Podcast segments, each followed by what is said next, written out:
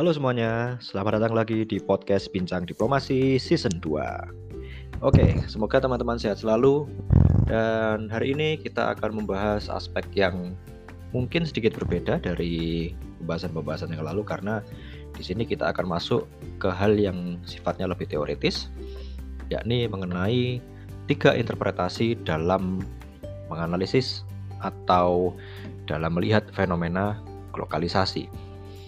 Sebelumnya, saya minta teman-teman untuk cari tempat yang rileks karena selama beberapa menit ke depan kita akan berdiskusi tentang apa itu lokalisasi dan seperti apa tiga interpretasi berbeda dalam memahaminya.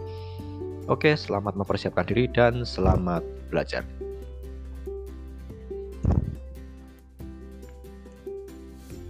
Oke, semoga teman-teman sudah cari tempat yang enak ya, cari posisi rebahan atau duduk yang nyaman kita akan membahas tentang tiga interpretasi terhadap fenomena globalisasi. Nah, mungkin teman-teman sudah sempat mendengar di episode-episode sebelumnya bahwa globalisasi itu erat kaitannya dengan globalisasi. Namun seerat apa atau seperti apa relasinya antara globalisasi dan globalisasi? Ya, untuk saat ini mungkin agak tricky ya karena kita tahu lokalisasi adalah sebuah konsep yang relatif baru sehingga uh, untuk menafsirkannya kita juga tidak memiliki satu tafsiran tunggal. Nah, namun kita bisa mencari rujukannya seperti salah satunya yang kita gunakan pada hari ini dari Viktor Roudometov tahun 2015. Dia mengintisarikan ya bahwa ada tiga, paling tidak ada tiga posisi uh, posisi apa interpretatif ya untuk melihat bagaimana lokalisasi itu bisa dipahami. Nah, jadi paling tidak um, melalui tiga perspektif ini kita bisa membandingkan dan kita bisa melihat bahwa lokalisasi itu merupakan sebuah fenomena yang uh, istilahnya berdiri sendiri ya dari uh, dari sebuah konsep globalisasi. Ya, pertama-tama ada sebuah perspektif yang mengatakan bahwa globalisasi itu istilahnya jadi satu atau terintegrasi dengan uh, yang namanya globalisasi. Nah, pandangan ini dicetuskan oleh Robertson. Dia mengatakan bahwa posisi globalisasi dan globalisasi itu sebenarnya satu ya, berasal dari sebuah wujud yang sama, berasal dari sebuah fenomena yang sama. Gampangnya kalau kita pinjem istilah dari kelompok sufi ini semacam manunggaling kawulu gusti ya, menyatu menyatu dengan gusti atau menyatu dengan unsur yang lebih besar. Nah, unsur yang dimaksud adalah ya lokalisasi, sesuatu yang lokal itu menyatu dengan unsur yang global. Nah, yang dimaksud dengan Robertson dengan penyatuan ini adalah ya ses sesuatu yang kita kenali sebagai lokal itu sebenarnya tidak pernah benar-benar lokal. Dia selalu mewakili atau ya merepresentasikan atau uh, merefleksikan sesuatu yang sudah ada di luar sana. Ya, sesuatu yang kita kenal lokal itu dianggap ya bukan hal baru karena bisa jadi yang lokal itu merupakan respons dari apa yang sudah terjadi di belahan dunia lain. Nah, sehingga posisi yang dikatakan Robertson ini bersifat monistik ya atau monism. Monis, monistik itu ya uh, jadi satu ya antara global dan lokal itu sebenarnya nggak ada bedanya. Jadi kalaupun ada variasi ya kalau kalaupun ada variasi antara apa yang kita sebut lokal dan apa yang kita sebut global itu sebenarnya berasal dari sebuah fenomena saja ya yakni global globalisasi. Jadi posisinya adalah ya sesuatu yang lokal itu tidak ada di luar sesuatu yang global dan sebaliknya global itu tidak ada di luar uh, yang lokal dan sebaliknya global dan lokal itu saling menyatu kalau kalau menurut si Robertson ini bisa dibaratkan seperti konsepsinya ketuhanan orang Hindu. Ya, bagi teman-teman yang uh, mungkin beragama Hindu mungkin sudah familiar dengan konsep ini tapi bagi yang belum gampangnya adalah uh, di agama Hindu ada di agama Hindu banyak sekali manifestasi ya terhadap uh, sosok yang disebut sebagai Tuhan atau dewa. Namun interpretasinya ada banyak. Ya, dan kadang itu juga tergantung dengan konteks lokal dan konteks uh, masyarakatnya. Ada yang punya uh, wujud misalnya wujudnya sebagai pelestari alam semesta, ada yang wujudnya sebagai penghancur ya, ada yang wujudnya sebagai seorang misalnya kayak guru gitu. Nah, itu kan menunjukkan bahwa sesuatu yang universal itu punya ciri-ciri atau punya karakteristik yang lokal. Tapi sebenarnya yang lokal itu juga nggak lokal-lokal banget. Maksudnya adalah ya bukan sesuatu yang independen, bukan sesuatu yang benar-benar terlepas dari konteks global. Itulah yang dicetuskan oleh Robertson. Sederhananya adalah sesuatu yang kita sebut lokal selama ini itu tidak pernah murni, ya, tidak pernah murni uh, lokal, atau bahkan tidak pernah lepas dari yang, yang apa kita sebut sebagai globalisasi. Sesuatu yang kita sebut sebagai lokal itu selalu merupakan respons dari uh, universalitas ya termasuk budaya kita saat ini. Misalnya kalau kita punya budaya Jawa, ya sebenarnya itu nggak lokal-lokal banget. Karena pada satu momen itu juga bersentuhan dengan budaya global. Apa yang kita sebut sebagai uh, budaya, meskipun itu lokal atau isola atau isolasi atau apa pun, sebenarnya itu juga merupakan salah satu perwujudan dari adanya globalisasi.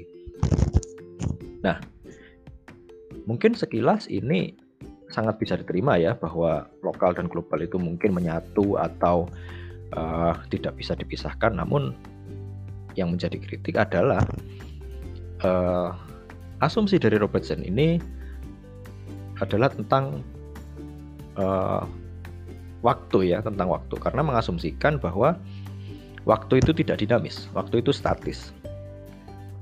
Kalau kita menganggap uh, teori dari Robertson ini benar, maka dia mengasumsikan bahwa ya global dan lokal itu tidak ada bedanya. Namun seolah-olah ini bisa dipahami kalau kita uh, maksudnya bisa dipahami kalau seolah-olah kita menghentikan waktu di satu momen. Ya, padahal waktu itu terus bergerak dan kita juga tidak bisa mengatakan bahwa yang lokal itu selamanya uh, selamanya ada di luar uh, tidak ada di luar global. Mungkin bisa jadi dia memunculkan sebuah partikularitas. Mungkin mungkin uh, dia juga punya ciri tertentu. Mungkin juga dia uh, merupakan respons ya perlawanan terhadap sesuatu yang global. Nah jadi dia menganggap bahwa uh, waktu itu statis. Kalau dari konsepsinya Robertson. Sehingga yang menjadi poin kritik adalah ya kalau kita menganggap global dan lokal itu adalah satu unit yang manunggaling kawuluh gusti atau tidak bisa terpisahkan dari satu sama lain ya kita akan kesulitan untuk melihat bagaimana sesuatu yang lokal itu berkembang seiring berjalannya waktu dan bagaimana sesuatu yang global itu diadopsi untuk menyesuaikan konteks-konteks yang ada di bagian lokal. Nah, dinamika itu kan nggak bisa dijelaskan kalau kita uh, selamanya menganggap bahwa yang global dan lokal itu utuh, tidak terpisahkan. Maka dari itu ada penjelasan kedua. Ya, penjelasan kedua ini dari Ritzer. Ya. Kalau tadi Robertson mengatakan bahwa globalisasi dan globalisasi itu merupakan satu wujud tak terpisahkan ya kalau di gambar diagramnya mungkin semacam satu bola gitu ya. Ya udah satu bola itu doang isinya ya lokal ya global jadi satu di situ. Kalau menurut Ritzer globalisasi itu hanyalah satu fase dari apa yang disebut sebagai globalisasi maksudnya apa menurut Ritzer globalisasi itu adalah satu fase ya, satu fase yang kemudian berujung kepada universalitas. Globalisasi itu muncul karena globalisasi sedang menyerap atau sedang uh, mengikis sesuatu yang lokal kemudian diserap menjadi bagian dari sesuatu yang global. Nah, ini agak menarik ya. Dia mengatakan uh,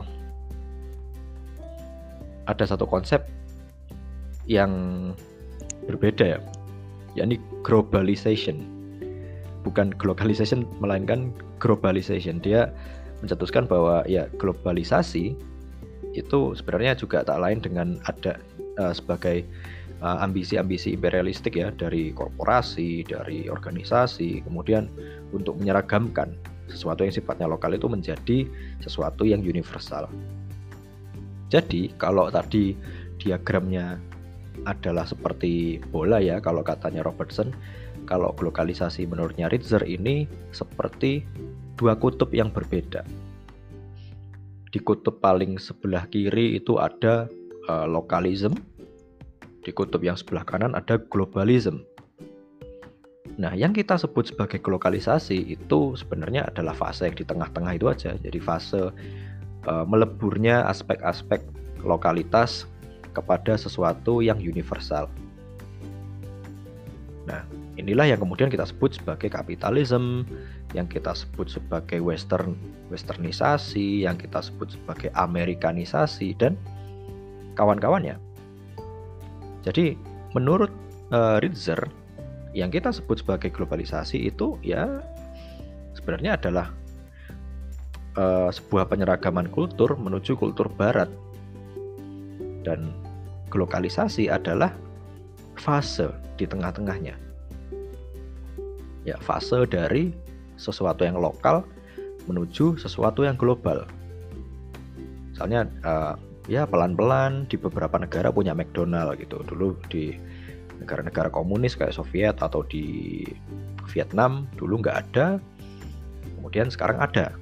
Nah, bagi orang-orang seperti Ritzer itu adalah tanda mengikisnya atau tanda-tanda hilangnya partikularitas lokal menuju sebuah uh, common ya, common value atau universalitas. Simbolnya adalah yaitu adanya McDonald yang menunjukkan bahwa uh, investasi asing atau kapitalisme barat itu sudah masuk bahkan ke daerah-daerah yang yang tadinya memiliki lokalitas bahwa mereka adalah uh, negara dengan perekonomian berbasis sistem komunis misalnya. Oke, okay. tapi ada juga uh, titik ya dari aspek ini tadi dari aspek yang dikaji oleh Ritzer. Sebenarnya uh, ini juga cukup useful untuk melihat peralihan ya peralihan dari lokal menuju global kemudian bagaimana value-value yang lokal itu kemudian menyesuaikan diri dengan yang universal. Namun yang menjadi masalah adalah dia tidak menganggap globalisasi itu sebagai sebuah fenomena yang unik dia cuma menganggap lokalisasi itu sebagai sebuah fase saja. Ya, jadi kalau tadi yang Robertson kritiknya adalah dia menganggap bahwa global dan lokal itu utuh, satu, universal, tidak terpisahkan. Tapi di saat yang sama, teorinya Ritzer ini juga dikritik karena dia terlalu ya, terlalu memisahkan antara yang global dan yang lokal. Seolah-olah duanya ini, keduanya ini eksklusif dan seolah-olah ketika ada globalisasi yang lokal langsung hilang. Nah, ini kemudian memerlukan sebuah penjelasan alternatif. Penjelasan alternatif ini bisa kita sebut sebagai uh, ya sebagai sebuah hibrid hibridisasi atau sebagai sebuah perspektif yang melihat bahwa globalisasi adalah sebuah hal yang punya otonomi. Maksudnya adalah dia bukan cuma fase, dia bukan cuma fase menuju globalisasi dan dia juga bukan sebuah unsur dari sesuatu yang global saja. Namun, kalau diibaratkan bahwa gini, perspektif ketiga ini beranggapan bahwa globalisasi itu seperti uh, cahaya ya, seperti gelombang cahaya yang menembus sebuah kaca. Kalau kata kalau kata si Rodometov gitu, globalisasi itu seperti sebuah kaca, eh seperti sebuah gelombang uh, cahaya yang menembus sebuah kaca. Dia punya dua kekuatan nih, bukan dua apa ya? Dia punya dua dampak dari adanya cahaya tersebut. Satu, cahaya tersebut juga terpantul ke sumbernya, tapi di sisi lain cahaya tersebut juga menembus, membuat eh, spektrum-spektrum uh, warna yang berbeda-beda. Ya, teman-teman kalau lihat uh, percobaan cahaya menembus uh, kaca kan yang apa memunculkan pelangi-pelangi itu, munculkan warna-warna berbagai macam itu kan bisa digunakan sebagai analogi ya bahwa ketika sebuah gelombang globalisasi itu menembus suatu negara atau menembus suatu masyarakat, dia akan memunculkan interpretasi-interpretasi yang sifatnya lokal dan partikular. Tapi di saat yang sama dia juga memberikan feedback, dia juga memberikan uh, ya apa ya, masukan atau memberikan input kepada sumber globalisasi itu tadi. Nah, pandangan yang sifatnya hybrid ini lebih memudahkan kita untuk memahami bahwa uh, globalisasi itu tidak apa ya, tidak mengabaikan aspek lokalitas ya dengan menganggap bahwa global dan lokal itu enggak terpisahkan tapi di sisi lain dia juga tidak menganggap bahwa globalisasi itu mengikis lokalitas seperti yang dianggap oleh perspektif yang kedua tadi dia menganggap bahwa lokalisasi itu adalah sesuatu kejadian atau sebuah fenomena yang sifatnya otonom, yang sifatnya ya bukan hanya sebagai fase tapi sebagai sebuah fenomena yang layak untuk dikaji menjadi sebuah subjek kajian tersendiri. Nah, ini akan memudahkan kita untuk melihat uh, beberapa fenomena yang sifatnya global dan meneropongnya melalui kacamata yang lokal. Contohnya kalau di apa kalau di olahraga ya. Piala Dunia nih Piala Dunia. Piala Dunia itu kan sesuatu yang sangat global ya. Negara-negara uh, mengirimkan tim nasional mereka terus dengan pemain terbaik disiarkan ke seluruh dunia. Dan ya global banget lah intinya ya. Tapi di sisi lain setiap negara itu punya respons terhadap uh, Piala Dunia dengan cara mereka masing-masing Ya, coba kita lihat uh, bagaimana uh, masyarakat misalnya masyarakat Afrika Selatan gitu ketika mereka menjadi tuan rumah Piala Dunia. Tentu saja uh, respons mereka akan beda apabila dibandingkan dengan bagaimana uh, Rusia menjadi host Piala Dunia. Ya kan? Aspek ada aspek lokalitas yang membuat Piala Dunia itu selalu menarik dari tahun ke tahun, dari dari edisi ke edisi. Kenapa? Karena meskipun dia sifatnya global, dia selalu bisa memunculkan partikularitas di tempat yang dia menjadi tuan rumah.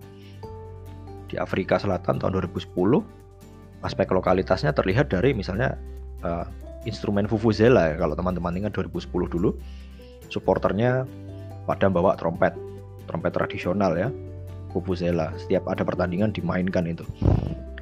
Nah, itu kan uh, menunjukkan bahwa sesuatu yang global itu ketika masuk ke sebuah society dia di satu sisi menimbulkan respons yang uh, universal ya ya maksudnya universal itu uh, ya euforia kita terhadap olahraga ya euforia kita terhadap uh, ajang olahraga ajang sepak bola tapi di sisi lain dia juga memunculkan karakteristik dari daerah yang menjadi tuan rumah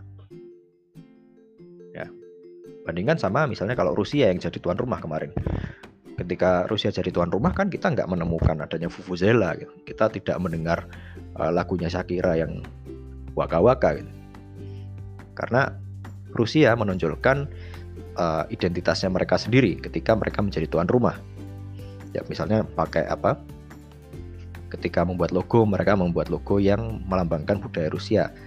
Terus mereka juga menggunakan ornamen-ornamen kemudian menggunakan uh, menggunakan dekorasi-dekorasi ya, atribut-atribut yang menunjukkan bahwa ya Rusia adalah tuan rumah yang juga punya identitas tersendiri.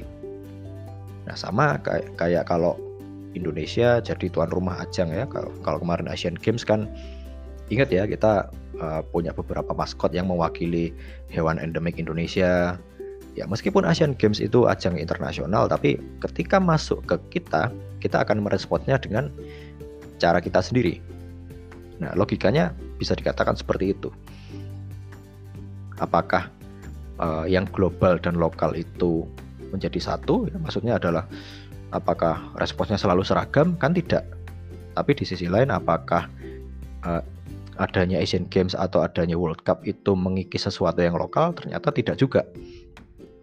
Karena sesuatu yang bertautan antara lokal dan global itu juga bisa kita lihat sebagai sebuah uh, sebuah hal yang partikular ya sebuah hal yang uh, independen. Sebuah hal yang unik dari setiap daerah yang dikenai dampak globalisasi. Gampangnya tadi lah kayak kita ada cahaya mantul di kaca, pantulannya bisa warna-warna, bisa magiku hibiniu. Ya sama kayak globalisasi. Kalau kita asumsikan globalisasi itu sebagai sebuah wave ya, sebagai sebuah cahaya, maka pantulannya itu adalah lokalisasi. Sehingga yang terjadi bukan hanya satu proses globalisasi, melainkan ada banyak proses globalisasi.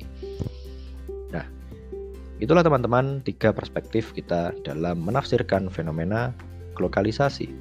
Dan ini akan penting karena teman-teman nanti juga bisa uh, menggunakan pendekatan-pendekatan ini untuk melihat uh, konsekuensi ya dari beberapa fenomena globalisasi kalau kalian mau kaitkan dengan aspek kelokalan di dunia sekitar kalian itu. Dan semoga apa yang dipaparkan pada episode kali ini cukup bermanfaat untuk uh, pembelajaran teman-teman ke depannya.